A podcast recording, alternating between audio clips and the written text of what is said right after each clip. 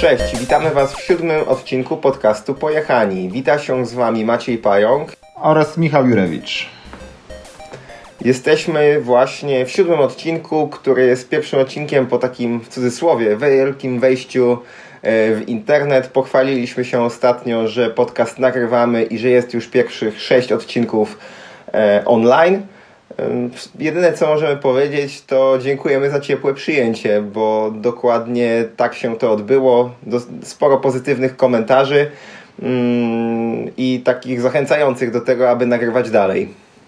To prawda, zaskoczyły, przynajmniej mnie na pewno zaskoczyły bardzo mocno statystyki. Dość dużo mamy tych, e, tych odtworzeń, co jak na pierwsze e, odcinki dopiero co opublikowane jest dla nas tym bardziej motywujące do dalszej, e, do dalszej pracy nad pojechanymi, nagrywania dalszych odcinków. Dlatego niezwłocznie nagrywamy teraz ten kolejny siódmy odcinek. Już tutaj uwzględniając jakieś pierwsze komentarze i pierwsze sugestie od słuchaczy. Tak, jako ciekawostkę powiem, że ze Spotify'a mamy ciekawe statystyki, nie tylko jeśli chodzi o ilości pobrań, ale przede wszystkim o wiek, ale także o muzykę, której słuchacie. Więc y, nasz typowy odbiorca i słuchacz podcastu jest typowym pająkiem, czyli mną. Słucha Metaliki, Dawida Podsiadło, Corteza, Taco Hemingwaya. Jedyne co się nie zgadzam z wami to Michael Bublé raczej nie leży w moich, y, na, na moich półkach muzycznych, ale było to dość wesołe. Michał mi wysłał, patrz, wszyscy słuchają to co ty. No, bardziej mój komentarz był taki, że Pająk jest y, muzycznie jest typowy, jest przedstawicielem statystycznego rowerzysty górskiego. Przynajmniej takiego, który subskrybuje Spotify. E, jeśli chodzi o moje gusta muzyczne, to jest to zupełnie inny biegun, ale wcale mnie to nie zaskoczyło. Jakby była taka rubryka, czego w ogóle nie słuchają e, słuchacze Twojego podcastu, to tam bym pewnie znalazł parę, parę rzeczy, które, go, które goszczą na moich playlistach. Okej. Okay. Przejdźmy do newsa tygodnia, a w zasadzie newsa odcinka. Może kiedyś będzie to news tygodnia, ale w dalszym ciągu jest to na razie news odcinka. Newsem odcinka będą szkolenia Pomba 2020. Dlaczego? No dlatego, że właśnie już od teraz możecie się zapisywać na szkolenia w 2020 roku, czyli na nowy sezon. Terminy są już na stronie, na wszystkie szkolenia już można się zapisać udało nam się tak naprawdę ten kalendarz przygotować dużo wcześniej niż w latach ubiegłych. Najczęściej powstawał ten kalendarz, albo inaczej, publikowaliśmy go na przełomie lutego i marca i zawsze do nas pisaliście, że chcielibyście go dużo wcześniej mieć, bo od stycznia są planowane urlopy, więc tym razem udało nam się posłuchać Waszych sugestii i e, kalendarz już jest, możliwość zapisów też już jest. E, może spróbuj jeszcze powiedzieć, co nowego, Michał, u nas w nie w kalendarzu, ale w ofercie. Tak naprawdę, już trochę o tym wspominaliśmy w poprzednim odcinku, w planach na 2020 rok, e, ale tutaj mogę powtórzyć, że największe zmiany, jakie są w naszym, tutaj w ofercie, naszej, ofercie naszych szkoleń techniki jazdy, to przede wszystkim lekka reorganizacja poziomów szkoleń, czyli bardzo szeroki, składający się z pięciu różnych e, rodzajów szkoleń. Poziom drugi zeszłego roku rozbiliśmy na dwa poziomy i teraz na poziomie drugim są tylko dwa szkolenia, zjeżdżaj enduro i skręcaj pewniek, które są oba szkoleniami trzydniowymi. E, cała reszta przeszła na poziom trzeci, a zeszłoroczny poziom trzeci stał się poziomem e, czwartym na, na chwilę obecną, więc będzie trochę łatwiej sobie dobrać szkolenia. Dużo bardziej oczywista jest ta droga rozwoju, jaką dają nasze, nasze szkolenia techniki jazdy. Jednak największą zmianą, która tak osobiście dla mnie będzie miała największe znaczenie, to jest wprowadzenie szkolenia trzydniowego Wiedź w teren, czyli Wiedź w teren plus, które po prostu pozwoli dać więcej czasu na przerobienie tematu tematów ze szkolenia Wiedź w teren, przez to umiejętności będą lepiej utrwalone, no i po prostu uczestnicy, czyli Wy, na koniec będą dużo, dużo lepiej jeździć i będziecie lepiej przygotowani do następnych poziomów szkoleń techniki jazdy. Oczywiście zdajemy sobie sprawę, że nie każdy ma możliwość wzięcia trzech dni urlopu, zerwania się z pracy od rodziny i przyjechania na nasze szkolenia, więc dlatego opcja dwudniowa nadal pozostaje takim głównym rodzajem szkolenia wiedź w teren, czyli dla większości tego pierwszego szkolenia techniki jazdy, ale jak ktoś tylko ma możliwość wzięcia udziału, wzięcia udziału w tym e, trzydniowym, to zdecydowanie polecamy, bo jesteśmy przekonani, że da to po prostu dużo lepsze efekty. Ja tylko dodam jedną rzecz, że ten poziom, zeszłoroczny poziom trzeci, o którym Michał wspominał, że będzie to poziom teraz czwarty, to nie znajdziecie tak naprawdę tego poziomu nowego y, nowego, czwartego, starego, trzeciego na naszej stronie jako konkretną ofertę szkoleń grupowych. Są to szkolenia już tylko i wyłącznie realizowane w trybie indywidualnym, bo też po zeszłym roku zauważyliśmy, że od pewnego momentu y, każdy ma zupełnie inne potrzeby gdzie indziej leżą problemy w dojściu do pewnego rodzaju umiejętności, więc te umiejętności trudniejsze na wyższym poziomie jest sens tak naprawdę tylko i wyłącznie realizować i ćwiczyć na tym najwyższym poziomie, to znaczy indywidualnym poziomie. Ok, myślę, że news odcinka jest już przerobiony. Możemy przejść do naszego głównego tematu. A naszym głównym tematem tego odcinka będą nazwy tras rowerowych, ale nie takich, które są na przykład w centrach ścieżek i nazywa się, nie wiem, tam Koliba czy Zajęcznik, a może też, ale raczej chodziło nam o trasy, które gdzieś są odnalezione przez lokalesów albo wykopane przez lokalesów i nadane są im jakieś ciekawsze nazwy, za którymi stoi jakaś większa historia. Yy, I myślę, że, że, że, że to może być dla Was ciekawy temat, bo czasem też już mogliście w poprzednich odcinkach słyszeć od Michała jakieś dziwne nazwy tras w okolicach Świeradowa, które nawet mi nie do końca e, cokolwiek mówią, albo muszę się dopytać, która to trasa, bo wiem, że to jest na przykład Zielony Graniczny, a zupełnie nie znałem tej nazwy lokalnej, więc, więc teraz się podzielimy z Wami trochę tymi historiami, jak powstawały nazwy tras. Tak, a sam temat tak naprawdę zaproponowałem, żebyśmy poruszyli tutaj e, głównie dlatego, że kilka dni temu, jakiś czas temu pisałem na Twitterze, jakie to są śliskie warunki na Holy Trailu i się zacząłem zastanawiać, czy ile osób w ogóle wie, skąd się ta nazwa wzięła, e, jakie ma w ogóle pochodzenie i o co, w tym, o co w tym wszystkim chodzi, bo tak naprawdę Holy Trail jest chyba dość szeroko rozpoznawalną nazwą, jeśli chodzi o te trasy terenowe e, w Świeradowie i właśnie zacząłem się zastanawiać, ile osób wie, skąd się to wzięło, stąd właśnie taki temat i mam nadzieję, że e, tutaj będę mógł się też dowiedzieć od Pająka, e, jakie są tajemnice za tymi dość szalonymi nazwami na, na, na Ślęży, a przy okazji podzielę się też właśnie historiami z nas teraz, jak się utarły pewne nazwy e, tutaj w Świeradowie. Okej, okay, to zaczynaj, bo zakładam, że od Świeradowa zaczniesz. A w zasadzie, czy tylko o Świeradowie będziemy rozmawiać, czy o Szklarskiej też? Bo wczoraj pojawiło się też takie pytanie na Facebooku u nas. E, czy będą omawiane nazwy tras w Szklarskiej Porębie, więc, więc odpisałem, że ja na pewno nic nie powiem, ale może Michał coś powie na temat jakiejś trasy. W Szklarskiej Porębie? A jakie tam są nazwy? Bo chyba nie mówimy o nie tych wiem. oficjalnych. To nie, to o Szklarskiej Porębie raczej, e, raczej nie planowałem po prostu, e, bo nie znam aż tak dużo fajnych historii związanych z nazwami, z nazwami tras w Szklarskiej Porębie, więc raczej miałem tutaj bardzo też ograniczone, ograniczony ranking nazw do poruszenia w samej Świeradowej, bo też jakbym chciał przejść przez wszystkie, to byśmy musieli pięć odcinków na to poświęcić, a bardziej chciałem się skupić na tych najbardziej znanych i najbardziej, najbardziej rozpoznawalnych, więc raczej z mojej strony będzie to tutaj Świeradów i myślę, że zacznę od takiej nazwy, od której wypada zacząć, czyli tak zwanej od jedynki. I myślę, że sporo osób może kojarzyć tą, tą nazwę, chociaż zauważyłem, że przez to, że na Trailforksie akurat nie jest użyta ta nazwa, to większość osób to kojarzy jako taka bardzo generyczna nazwa zjazd ze stogu izerskiego albo czerwony szlak ze stogu izerskiego, ale wśród lokalesów y, naprawdę dobrze się już utarła nazwa jedynka.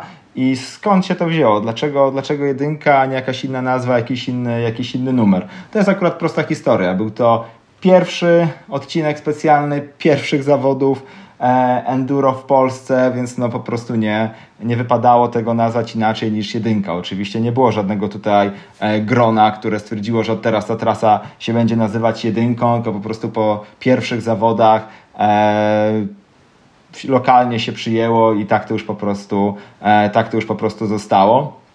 Oprócz jedynki E, była też jeszcze piątka, czy zjazd niebieskim szlakiem z Sępiej Góry był nazywany piątką, bo był to piąty OS tamtych zawodów. E, I bardzo długo ta nazwa funkcjonowała, chociaż teraz chyba została lekko, lekko wyparta. Już myślę, że nie wszyscy będą to kojarzyć. Okej, okay, to jest jedynka. Ta jedynka tak naprawdę już z moich informacji wynika, że mm, jakaś tam była, miała konkretny przebieg, ale możliwości zjazdu ze stogu, zaczynając czerwonym szlakiem, czyli tym zjazdem ze stogu nazwanym tak w Trailforksie, jest tam więcej, więc pytanie, czy na Trailforksie jest dokładnie przebieg trasy, która była na pierwszych zawodach, czy nie? To jest pytanie, które, na które ci nie jestem tak z biegu w stanie odpowiedzieć, bo nie mam zielonego pojęcia, co tam jest na Trójforcie w Świeradowie, e, ponieważ nie muszę, z tego, nie muszę z tego korzystać. A jeśli chodzi o szerzenie informacji e, o trasach, to jakby taką swoją potrzebę dzielenia się i szerzenia właśnie informacji w innych mediach no, spełniam. Czyli przede wszystkim e, skrupulatnie dodaję wszystko do bazy danych OpenStreetMaps, z których potem Trailforce bardzo bogato korzysta, a ja tak naprawdę nie wiem, co tam dokładnie jest zaciągane, czy tylko podkład mapowy, czy też również jakieś tagi i tak dalej co do tych tras. E, więc tutaj nie jestem pewien, nie chcę teraz tutaj poświęcać czasu na sprawdzanie, ale ponieważ ten pierwszy wariant z zawodów jest tym najbardziej oczywistym, czyli tym po prostu tak naprawdę najdłuższym, najłatwiejszym, gdzie przyjeżdżamy przez pierwszą bandę bobslejową i potem zjeżdżamy do, do parku e, zdrojowego. E, to jestem przekonany, że dokładnie ten wariant będzie, będzie tam zamieszczony. Więc najprawdopodobniej jadąc po Trailforksie można sobie po prostu przejechać dokładnie ten sam odcinek specjalny, który był przyjeżdżany w 2000, który to był rok, 2009 rok na pierwszych zawodach enduro w Polsce. O, 10 lat, dobra, już ponad właściwie, już 10 lat minęło, więc ee, już kawał, kawał historii. Okej, okay, kolejna trasa, bo tu już mamy jedynkę, mamy piątkę. Okej, okay, to... nazwy też. Znaczy, ja myślę, tak naprawdę ostatnią, jaką chciałem poruszyć, chyba, że tutaj zapytasz o, o, kilka innych, to jest tak naprawdę właśnie ten już wcześniej wspomniany Holy Trail, skąd się to wzięło, bo to jest to pierwsza nazwa, pierwsza tak naprawdę trasa, która miała jakąś taką ciekawą, wypasioną nazwę w Świeradowie i to jeszcze było na długo, długo, długo przed tym, jak jakiekolwiek zawody enduro się tu e, miało organizować i jest to dokładnie z czasów, kiedy e, zdobywaliśmy tutaj z kumplem Liptonem którego oczywiście jak najbardziej pozdrawiam, jeśli jakimś przypadkiem słucha tego, tego odcinka. Zdobywaliśmy właśnie tutaj nasze okoliczne góry, wprowadzając komunijne rowery e, jak najwyżej się da i potem próbując jakoś pokracznie zjechać na tych naszych komunijnych góralach, góralach na dół. I to były też czasy e, fil, oglądania filmów rowerowych w jakiejś skandalicznej jakości, pozyskanych w jakiś e, szemrany sposób. E, I tak to, tak to się odbywało i było to tuż po tym, jak oglądaliśmy, jak udało się nam dorwać Krankeda e, 4. E, I tam właśnie motywem tego filmu było poszukiwanie Holy Trail. I w ramach tych takich przerywników do tych scen z jazdy właśnie były takie krótkie scenki właśnie z poszukiwania tej tutaj świętej trasy, tak to nazwijmy. I to było ciekawe, że właśnie tą trasę Holy Trail, którą tutaj u nas taką ochściliśmy, wprowadzając te rowery komunijne pod górę, widać ją bardzo dobre z przeciwległego stoku, bo ona idzie po zboczach Smreka i potem na, no, na Kopy Czerniawskiej nie, ale na Kopę Czerniawską zboczem Smreka. Jak się podjeżdża na Stuk Izerski, na, na Przęcz Łącznik, to ją widać bardzo dobrze, jest po prostu bardzo wyraźna jako stara, jako stara droga ale po prostu od dołu zupełnie nie było wiadomo, gdzie wychodzi, a tym bardziej od góry nie było zupełnie wiadomo, gdzie wychodzi. Więc tak naprawdę zajęło nam bardzo, bardzo długo znalezienie, gdzie to się u licha zaczyna e, z jednej, z drugiej strony. I autentycznie to było takie poszukiwanie, bo chyba dobre z pół roku tak naprawdę szukaliśmy, gdzie ta, gdzie ta dokładnie trasa idzie, znajdując przy okazji 10, 10 innych ale znalezienie tej no, długo nam zajęło, ale się w końcu, w końcu się udało i stwierdziliśmy, że szukaliśmy, szukaliśmy, jak w tym rzeczonym Krankedzie 4, to nazwa żadna inna nie może być właśnie jak ten Holy Trail i stąd się to wzięło. I to jest, są wszystkie trasy, o których chciałeś opowiedzieć sam?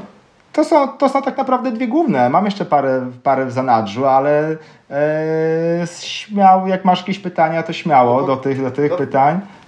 No, kojarzy Travers e, Świeradowski, więc to chyba dużo osób kojarzy, czyli ten czerwony szlak, tak? Ze stogu tak, stary. kierunku Świeradowca.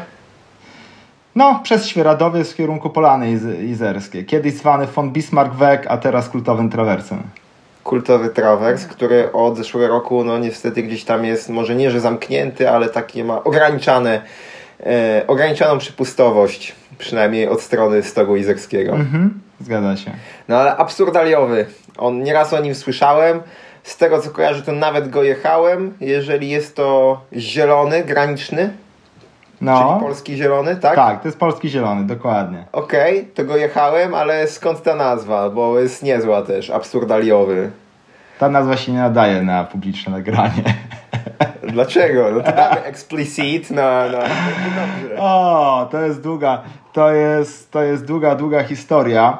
Mm, I szczerze mówiąc, bardzo taka hmm, może prywatna, to nie wiadomo jak to, jak to bardzo zabrzmi, e, ale taka, że chyba bardzo mało osób używa tej, e, tej nazwy. Gdzieś tam ona funkcjonuje, ale w przeciwieństwie do Holy Traila, który jest szeroko rozpoznawalny i to zdecydowanie była pierwsza, pierwsza nazwa wymyślona przeze mnie, która się przyjęła e, szeroko. E, absurdaliowy, no aż tak, aż tak nie chwycił, e, bo tak naprawdę nie jest to jakaś bardzo, bardzo znana trasa, ale nie, to sobie zostawię tutaj na razie w tajemnicy. Może na kiedyś, może gdzieś kiedyś, e, nie, na, nie na nagraniu. Zostawmy tutaj pewne niedopowiedzenie. Okej. Okay. Dobrze, to przejdę do swoich tras, bo ja przynajmniej na razie więcej pytań nie mam. Może coś ci się przypomni po prostu. Ja przez to, że mieszkam we Wrocławiu, no to przygotowałem trochę informacji na temat śmiesznych i dziwnych czasami nazw tras na Ślęży. E, żadnej z tych nazw nie wymyśliłem sam, raczej jest to, są to wymyślone nazwy i znalezione trasy przez albo wrocławskich e, rowerzystów, albo w ogóle lokalesów stamtąd. Jest tu parę tras, mam trochę ich więcej. Tak naprawdę te nazwy możecie spokojnie wejść na Trailforce'a na okolice Ślęży i poglądać, bo myślę, że nawet nie wszystkie tutaj wymienię, ale raczej postaram się te najciekawsze. Pierwsza trasa to jest Świnkołaj. Jest to połączenie po prostu od nazwy teamu Knurświny z Mikołajem, czyli Świnkołaj. Dlaczego? Dlatego, że trzy lata temu Knurświny robiły pierwszą akcję Knurska Paka dla dzieciaka, czyli taką akcję, w której zbierali kasę, żeby mm, dla jednego z rodzinnych domów dziecka e, we Wrocławiu po prostu przygotować paczki na święta, dać jakieś prezenty, jakąś tam nie tylko takie drobiazgi, ale także pralkę. I ta znaleziona trasa była takim pomnikiem tej akcji. No, z wdzięczności za to, że ludzie tak chętnie wpłacali kasę na, na tą akcję charytatywną, no to załóżmy, że Świny znalazły nową trasę na Ślęży i nazwały ją Świnkołaj. O, Kolejne... to dobra historia. Cieka no, ciekawa, co? ale i to był już jakby taki plan był od początku, czy, e, czy po prostu po tej całej akcji stwierdzili, że ta trasa to będzie Świnkowa, czy już mieli wcześniej w głowie, że, że którąś trasę e, poświęcą na to, e, żeby nie, ją tak? Chyba nie, to znaczy nie wiem, więc nie będę mówił za, za, za, za, za Knur Świny, jak to dokładnie było. Wczoraj po prostu przygotowując się do odcinka, no, zadzwoniłem w parę miejsc, żeby się dowiedzieć, żeby też nie, nie wymyślać dzisiaj tutaj historii, tylko po prostu je przekazać rzeczywiście taki, takimi, jakimi są. E, to raczej tak równolegle. Chyba to nie była jakaś taka wielka, zaplanowana akcja, że jak się uda, to coś zrobią, tylko bardziej na spontanie. Okej. Okay. Mamy kolejne nazwy. Jest Gangster, czyli jedna z takich starszych tras. E, ona chyba dość szeroko jest kojarzona przez rowerzystów, bo jak do nas przyjeżdżają na szkolenia rowerzyści, to zawsze wspominają o ściance na gangsterze. Nawet chyba ty, mimo tego, że nie byłeś na gangsterze, to o ściance na gangsterze i skalę na końcu wiesz. Zgadza to było się. tak, że jeden z lokalesów y, po prostu jeździł do nas na zawody, gdzie mu się podobały wymagające trasy. Jeździł na zawody Enduro Trophy na końcówce ich działania, gdzie te trasy mu się nie do końca podobały. Pojechał też na zawody do Czech i na EWSA, no i widział, że te trasy w zasadzie mogą być wymagające, trudne i fajne. No więc postanowił, że chce mieć pod domem u siebie taką, taką jakąś dobrą trasę.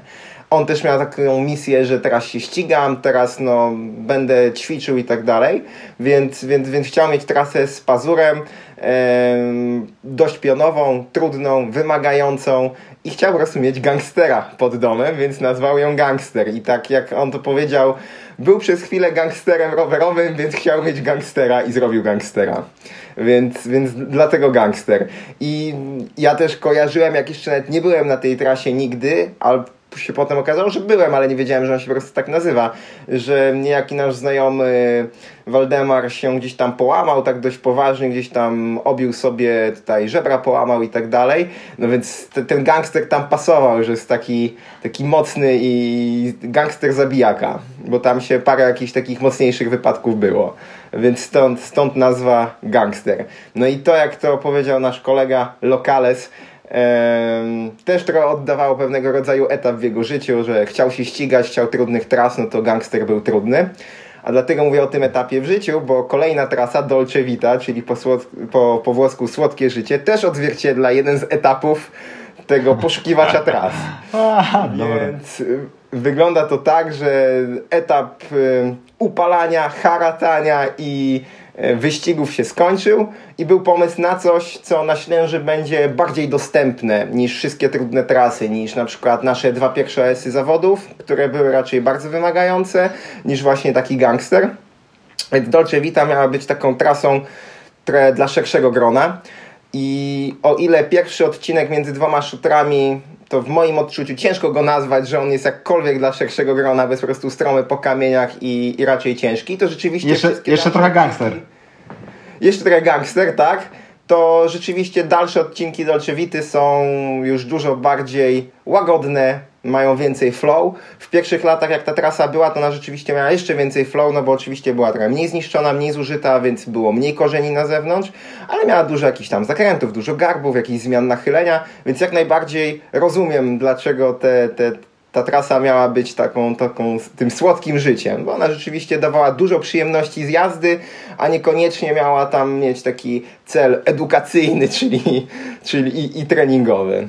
Więc, więc to był kolejny etap i mam jeszcze czwartą, trzecią trasę, czy czwartą? Czwartą, e, która na początku, nie no, był Świnkołaj, Gangster Dolce a. była trzecia, więc Żmija przez Mózgomrus jest czwarta. Tak. I Mózgomrus to była nazwa, która została wymyślona przez dziecko jednego z lokalesów, że się tak wyrażę, i tutaj jeżdżących bo była po prostu, zawrażała mózg, była tak ciekawa i tak różnorodna, że była aż tak fajna, że była mózgomrozem, ale okazało się, że prawie nikt nie jest w stanie wypowiedzieć, gdzie jedziemy, na mózgo co, mózgo trzepa, mózgo kogoś tam, więc finalnie została przemianowana e, na żmiję, co mi się średnio podobało, szczerze mówiąc, bo mózgomroz uważałem, że było dużo, dużo ciekawiej a żmija dlatego, że nie jest pokręcona i jest trasą flow, załóżmy jak Twister, tylko jest tylko kąsa.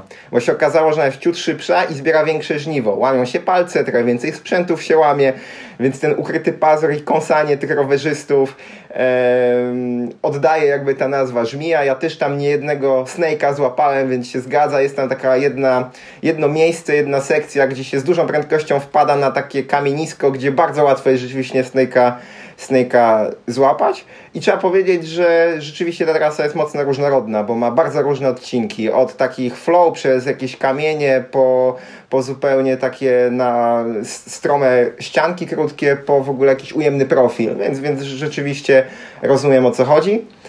I ostatnia trasa, o której do końca nie mam żadnej historii, oprócz tego, że, że nazwa miała być głupkowata i ciekawa, to jest po prostu syjamski kaźrodca. Więc ta trasa jest kwadratowa, ciężka, taka bardzo trudna technicznie. Miała być najpierw e, po prostu kaźrodcą, bo głupie i tak dalej. No i ktoś, ktoś wymyślił jeszcze, że ma być jeszcze głupsza, więc był syjamski. Nie ma chyba za tym, z tego co przynajmniej mi wiadomo i z tego co rozmawiałem, żadnej głębszej historii. Tyle o trasach pod Ślężą. A to dobrze, bo to rzeczywiście tak wygląda, że był tutaj e, który bardzo trafnie dobierał nazwy tras e, i, i Gangster, i Dolce Vita, i Żmija, czy tam ten Mózgomrus. Wszystkie tutaj jego, jego wymysły, a potem jego kumple stwierdzili, że też chcą zostawić tutaj jakieś, e, jakąś nazwę trasy, którą oni wymyślą, a nie tylko wszystkie to, to dowalili tego siamskiego kazirodce. tak, to, tak to w skrócie trochę wygląda. Mniej więcej tak, mniej więcej tak. No więc o, o nazwach tras tyle.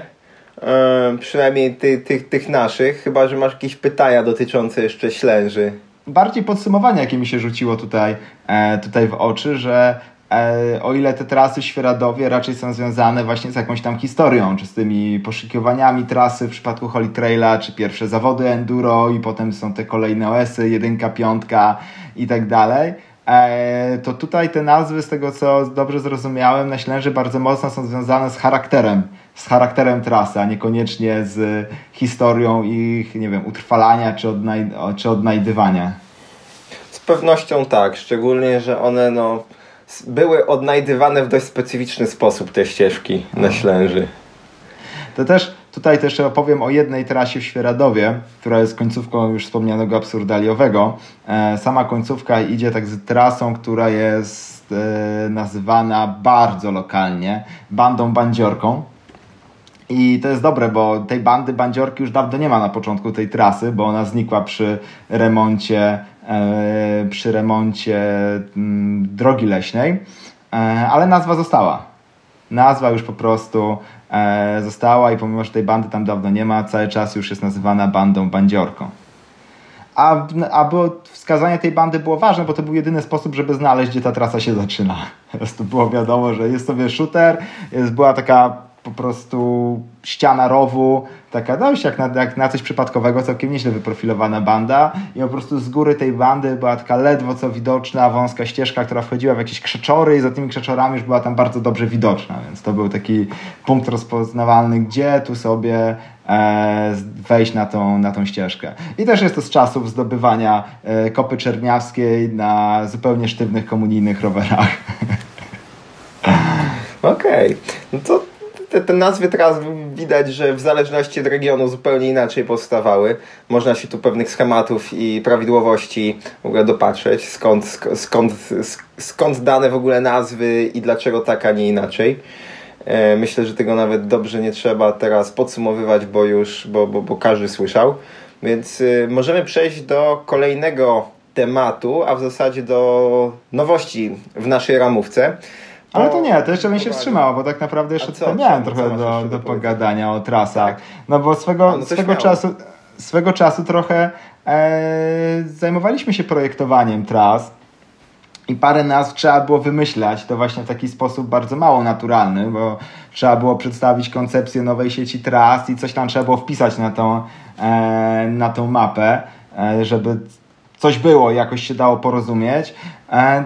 Czy pamiętasz jakieś ciekawe historie związane z tym na, nazwami tras? Czy ty, albo inaczej, może nawet nie ciekawe historie, czy po prostu jak, przedstaw jak my to robiliśmy, jak my to wybieraliśmy te trasy.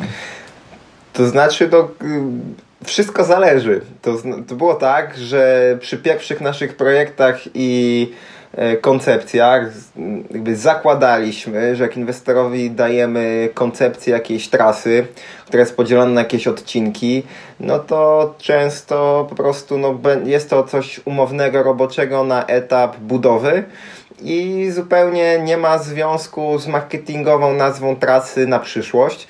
Jak się okazało, e, dla niektórych inwestorów Y, nazwy z koncepcji były tak świetne, że nawet chcieli dzielić na dokładnie odcinki budowlane te trasy i musieliśmy im tam jakby tłumaczyć dokładnie jak, jak, jak to wygląda i że to nie do końca tak to należy robić.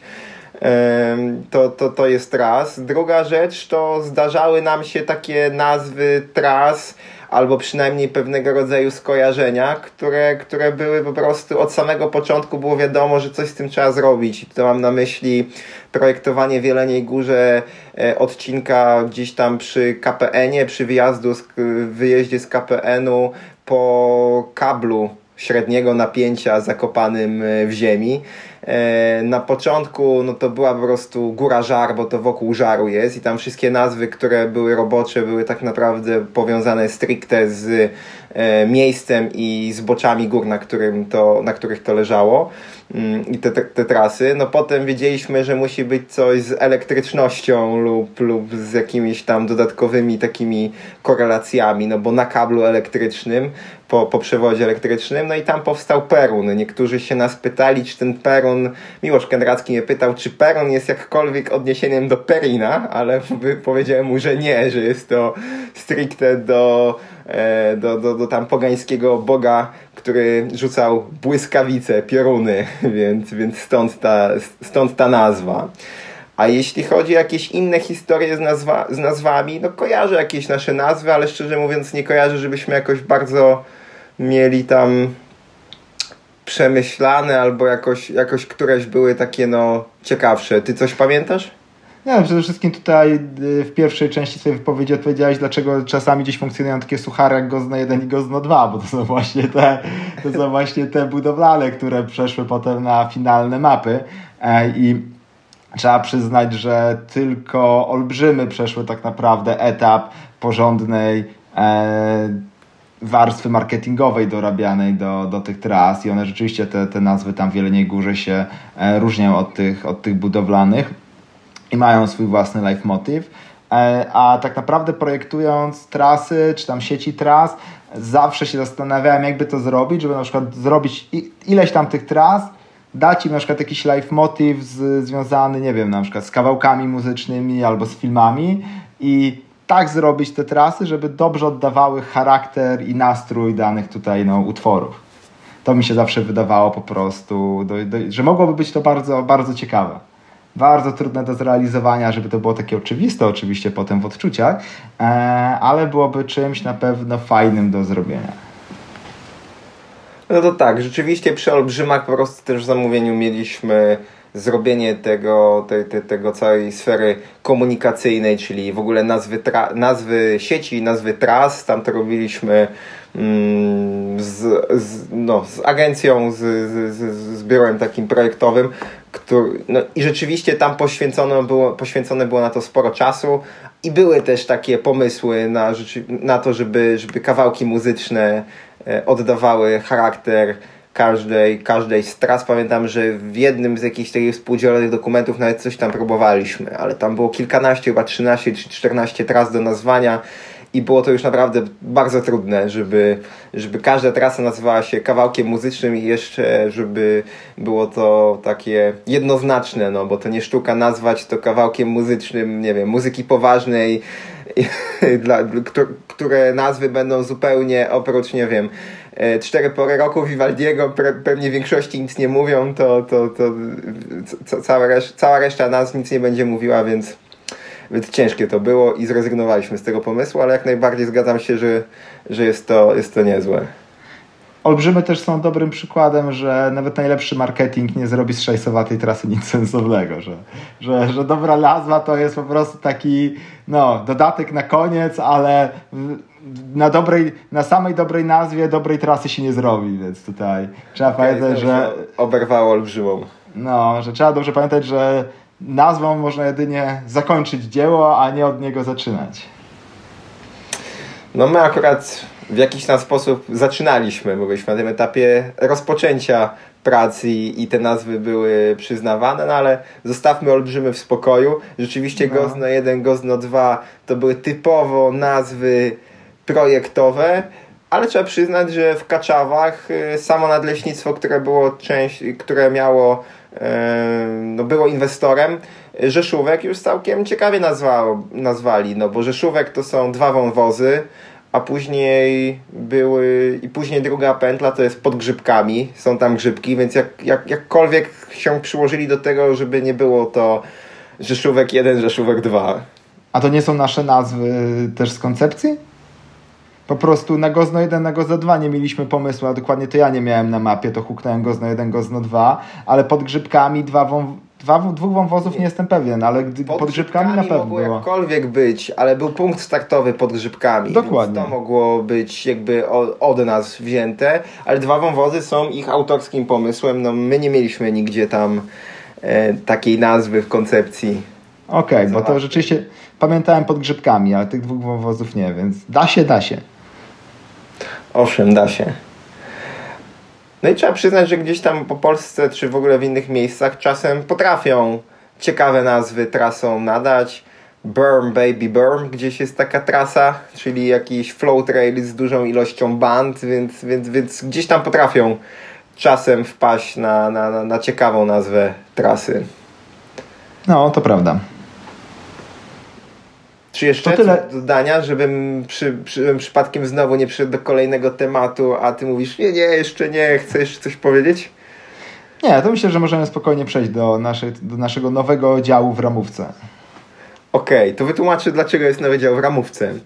Po ostatnio, po, po zeszłym tygodniu, kiedy wrzuciliśmy no, podcasty do sieci, oprócz tego, że już wcześniej nawet sporo osób przysłuchało te podcasty, to nikt się do nas nie odezwał.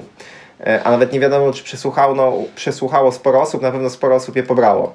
Teraz, kiedy wiemy, że na pewno parę osób przysłało te podcasty, to zawsze oprócz w sumie dość pozytywnej opinii, nie ma się co oszukiwać, dotyczącego, dotyczącej naszego podcastu, zawsze pojawiała się jeszcze jakaś sugestia dotycząca e, tematu w podcaście. Mm, na nasze nieszczęście mm, i wbrew naszej woli oczywiście masa rzeczy o sprzęcie, żebyśmy pogadali o tublesach, o dętkach, o kierownicach, o różnych dziwnych rzeczach związanych tylko ze sprzętem, czego od samego początku mówiliśmy, że nie chcemy za bardzo robić. Pojawiły się też inne tematy, ale pomyśleliśmy sobie, że nie ma może co aż tak unikać tego sprzętu, jeżeli chcecie cokolwiek o nim słyszeć. Po prostu e, zrobimy tak, że w każdym odcinku poświęcimy 10-15 minut na to, żeby jakkolwiek poruszyć temat, o który nas pytacie.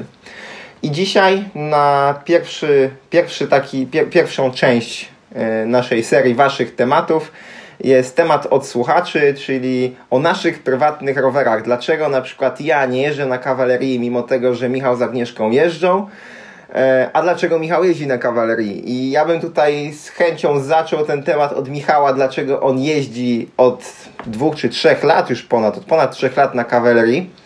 I i, I dlaczego? A myślę, że mi będzie łatwo wytłumaczyć, dlaczego ja jeszcze nie jeżdżę, jak Michał powie, dlaczego jeździ.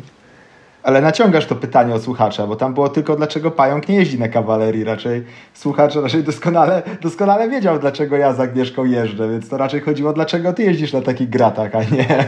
Oczywiście, a, nie. tak, tylko myślę, że ten słuchacz, y, pozdrawiamy tutaj Adriana z okolic Dokładnie. Wie, bo jeździł nieraz z tobą, ale myślę, że dla słuchaczy może być ciekawe, dlaczego ty akurat już jeździsz od takiego czasu, a mi myślę będzie dość łatwo wytłumaczyć jeszcze, dlaczego ja jeszcze nie jeżdżę. Więc tak naciągam to pytanie, ale myślę, że ono musi być trochę naciągnięte, żeby trochę więcej kontekstu nadać. Okej, okay, to tak naprawdę dlaczego my jeździmy, ja i Agnieszka, na, na kawalerii od dawien dawna? Głównie dlatego, że się wsiada i jedzie. I koniec koniec tak naprawdę odpowiedzi. Po prostu jest to rower, który wytrzymuje, bardzo mało trzeba mu poświęcić na, e, na, na to, żeby działał, bardzo mało czasu wymaga na utrzymanie, po prostu zawsze jest gotowy do jazdy, wsiada, się jedzie. A nawet jeśli coś tam, coś tam by się zepsuło, to i tak jest w stanie się dojechać do, do domu. Po prostu nawet większość, większość możliwych awarii tak nie powoduje no, braku możliwości jechania dalej, więc jest to, jest to po prostu sprzęt, który gwarantuje, że nie trzeba prowadzić do domu. A e, przed przejściem na kawalerii to zdarzało mi się kilka, kilkanaście razy w roku butować bardzo, bardzo dużo kilometrów do chaty, bo się wszystko rozsypało podczas jazdy, więc po prostu ten sprzęt umożliwia dojechanie do mety. Okej, okay, czyli, czyli jakby jeszcze dopowiem parę rzeczy. Po prostu Michał notorycznie zginął kasety w pieróg, przerzutki wpadały w szprychy i mieliły koło, urywały się korby. Po prostu na jaki rower by nie wszedł, czy jest to nowy, czy używany, czy najwyższej klasy, czy jakiś taki no, podstawowy, zawsze po jeździe coś trzeba było przy nim robić i, i po prostu się urywało, co było dosyć czasem irytujące. Pamiętam historię właśnie jeszcze z Kaczaw, jak pojechaliśmy na jakiś research taki, takie reko, wyszliśmy z auta, Michał wsiadł na rower po jakichś, no nie wiem, 500 metrach w lesie, coś się tam urwało, linka od przerzutki, co, no po prostu zno, znowu był jakiś defekt, pamiętam, że byłem strasznie wkurzony, że znowu pojechałem z Michałem, gdzieś się coś zepsuło i to znaczy, że to nie był pierwszy raz, musieliśmy później na piechotę atakować te lasy i oglądać, z czego byłem bardzo niezadowolony. I rzeczywiście miał no potem, właśnie. przyszedł na rower ze skrzynią, bez przerzutki z tyłu, czyli bez elementu, który może się urwać, ma jeszcze parę innych innych tam mm, plusów, ale może nie o tym. A dlaczego ja nie jeżdżę na e, kawalerii? Jeszcze, w dużym skrócie można tak powiedzieć. E, głównie dlatego, że ja takich problemów w dużym skrócie nie miałem do tej pory, a w zasadzie dalej tak mam, że jestem w stanie bardzo długo jeździć na względnie bez awarii i bez urywania przerzutek i tak dalej. Chociaż zdarza się, owszem, ale nie na zasadzie raz na miesiąc, tylko raz na parę lat muszę coś tam zmienić hak przerzutki.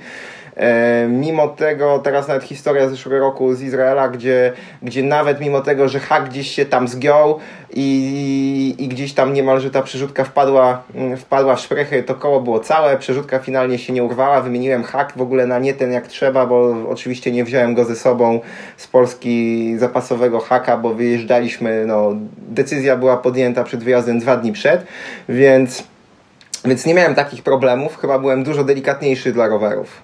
Ale już trzeba było się turlać wtedy z tym rowerem, tak wiesz, z duszą na ramieniu, Owszem. końcóweczkę, tam potem w sklepie to ogarniać i tak dalej. No to jest coś, co, czego po prostu nie ma. Chodzi o to, że jak, jeżeli ty miałeś tam, wiesz, kilkanaście razy w roku, czyli chyba średnio raz na dwa tygodnie, no to ja to mam, wiesz, raz na życie roweru, można tak powiedzieć. No, więc jeździłem bardzo długo na Krosie Munie. Też się ludzie często dziwili, dlaczego jeżdżę na takim starym rowerze. Szczerze mówiąc, za bardzo mi to po prostu nie przeszkadzało. Wsiadałem, jechałem i się zupełnie, zupełnie nie, nie, nie, nie, nie przejmowałem tym, jak to jeździ. Na zasadzie, że dobry rowerzysta to i na drzwiach od stodoły pojedzie. Ale w końcu rzeczywiście cross y, w zeszłym roku już zaczął być rowerem takim mało jeżdżącym, można powiedzieć, i ciężko jechał, ciężko mu było wszystko zrobić, więc yy, zastanawiałem się nad zmianą roweru. I oczywiście kawalerii jest na pierwszym miejscu, jeśli chodzi o chcenie tego, ale no, trzeba przyznać, że kawalerii ma teraz model dokładnie ten, który ma Michał, czyli Anakin, który jest już rowerem od trzech albo nawet czterech lat tak naprawdę. 4 lata modelowe. Dokładnie, 4 lata modelowe. Wiemy jako dystrybutorzy kawalerii, że zaraz wchodzi coś nowego nowy Anakin ma wejść. Jeszcze Blackbird miał wejść, bo już jest nawet w ofercie tak naprawdę na stronie kawalerii i mieliśmy mieć od listopada te rowery. Yy, I miałem się zastanawiać właśnie nad przejściem nawet na Blackbirda na koło 29, ale niestety mają jakieś opóźnienie, więc finalnie na to się no, nawet nie udało mi jakkolwiek sprawdzić tego Blackbirda. Więc czekam cały czas na jeden lub drugi rower, albo na nowego Anakina, albo na nowego Blackbirda. Yy, a w międzyczasie po prostu kupiłem Rozę. Dlaczego Rozę? Dlatego, że parę dobrych lat temu model Uncle Jimbo mieliśmy na testach u siebie na portalu MTB i był to naprawdę świetny rower, jeśli chodzi cena do jakości. Za niewielkie pieniądze się dostawał rower, który po prostu jechał do przodu, nie miał wodotrysków, nie wyglądał pięknie, ale działał. I dokładnie na tej zasadzie, na przeczekanie po prostu do nowych modeli Cavalry kupiłem Rosa Uncle Jimbo, tylko że nowsze, cena czyni cuda, jak to się mówi. Cena, jakby rower w, w koszcie dobrego amortyzatora, albo w zasadzie poniżej na przeczekanie jak najbardziej się po prostu opłaca, moim zdaniem, jeżeli trzeba po prostu na czymś jeździć, a, a, a nie ma tu i teraz możliwości kupienia kawalerii. Więc dlatego ja jeszcze nie jestem na kawalerii i tylko i aż na rozę, jak tu napisał Adrian. To to ja, ponieważ Pająk y, tutaj pozwolił sobie bardzo mocno rozwinąć moją wypowiedź, to ja sobie teraz pozwolę bardzo mocno skrócić Pająka wypowiedź. Na początku żałował hajsu, bo cross był za darmo i się toczył, a teraz po prostu głupio kupować czteroletni, czteroletni model i, i czeka, aż wejdą po prostu nowe modele udoskonalone. To tak w skrócie. Tak, jak najbardziej. Jak najbardziej jest to prawda. Okay, nic no to... nic ująć. Pierwsze pytanie od słuchacza odhaczone. Ja już więcej do dodania nic nie mam w tym temacie. Okej, okay, to myślę, że zmierzamy do końca tego odcinka. Mieliśmy trochę sugestii o to, żeby odcinki były krótsze, żeby były dłuższe. Eee, mo możemy odpowiedzieć w, jedny, w jeden sposób. No, wszystkim nie dogodzimy. Odcinki myślę, że nie będą miały dłużej niż godzinę. E, jeżeli nie macie czasu, żeby ich słuchać, to polecamy słuchać odcinków naszych na przykład w trakcie jakichś dłuższych przejazdów samochodem albo po prostu jak pójdziecie na rower. Rzadko wychodzicie na rower, sądzę, na 15 albo 20 minut. Na godzinę chyba się zawsze wychodzi, bo inaczej nie ma sensu. Więc jest takie idealne, żeby na przejażdżkę sobie założyć słuchawki i nas posłuchać. Więc raczej mocno nie skrócimy tych naszych odcinków. E, w możemy spokojnie z tego miejsca podziękować w ogóle za to, że chce Wam się do nas napisać, chociażby te sugestie na temat jakichś y, tematów, czy, czy, czy po prostu informacje, że Wam się podoba, że, że, że fajnie się tego słucha. E, kolejnym jeszcze może niekoniecznie newsem, ale takim właśnie to, co mówimy zawsze na koniec, gdzie nas możecie znaleźć, to od zeszłego tygodnia jesteśmy na Facebooku. E, Facebook, e, na Facebooku trzeba wpisać podcast Pojechani i nas znajdziecie, a na Twitterze po prostu Pojechani. Możecie nas oznaczyć w komentarzu jakimś, czy w waszym po prostu, w waszej jakiej, jakimś komentarzu, czy, czy twicie, który, który chcecie po prostu poruszyć jakiś temat i z nami podyskutować. I oprócz tego znajdziecie nas, tak jak zawsze już mówiliśmy, mnie na Facebooku i na Twitterze. Mnie na Facebooku Maciej Pająk i na Twitterze Pająk EMTB. Michała na Twitterze pod hasłem Michał Ed powie, Michał ja pamiętam. Ed Michał Jurewicz, czyli po prostu Michał Jurewicz pisane razem bez polskich znaków. Oczywiście, gdybyście nie pamiętali, to wszystkie te informacje są w notatkach do odcinkach. Możecie tam poklikać w linki i po prostu będziecie od razu mieli te wszystkie nasze strony. Zachęcamy do, do zostawienia jakichś komentarzy, czy, czy tutaj skomentowania i oceniania naszego podcastu na iTunes i na Spotify, chociaż nie wiem, czy na Spotify jest jakiś taki rating. Pewnie jakiś jest. Pewnie jest. Ale na, ale na iTunes podcastach jest rating, można zostawić komentarz, więc, więc, więc zachęcamy i oczywiście możecie do nas pisać. Z tego miejsca się żegnamy i stale zapraszamy, jakby zachęcamy do tego, że jak nie jesteście jeszcze w tym momencie na rowerze, to po prostu weźcie ten rower i idźcie pojeździć. Szczególnie, że warunki jak na styczeń cały czas bardzo dobre i aż żal nie wykorzystać. Trzeba każdą możliwość tutaj wykorzystać, wziąć i jeździć, nakręcać kilometrów, żeby być lepiej przygotowanym do nadchodzącego sezonu. To z tego miejsca dzięki i do usłyszenia w kolejnym odcinku. Na razie, cześć. Dzięki wielkie, na razie.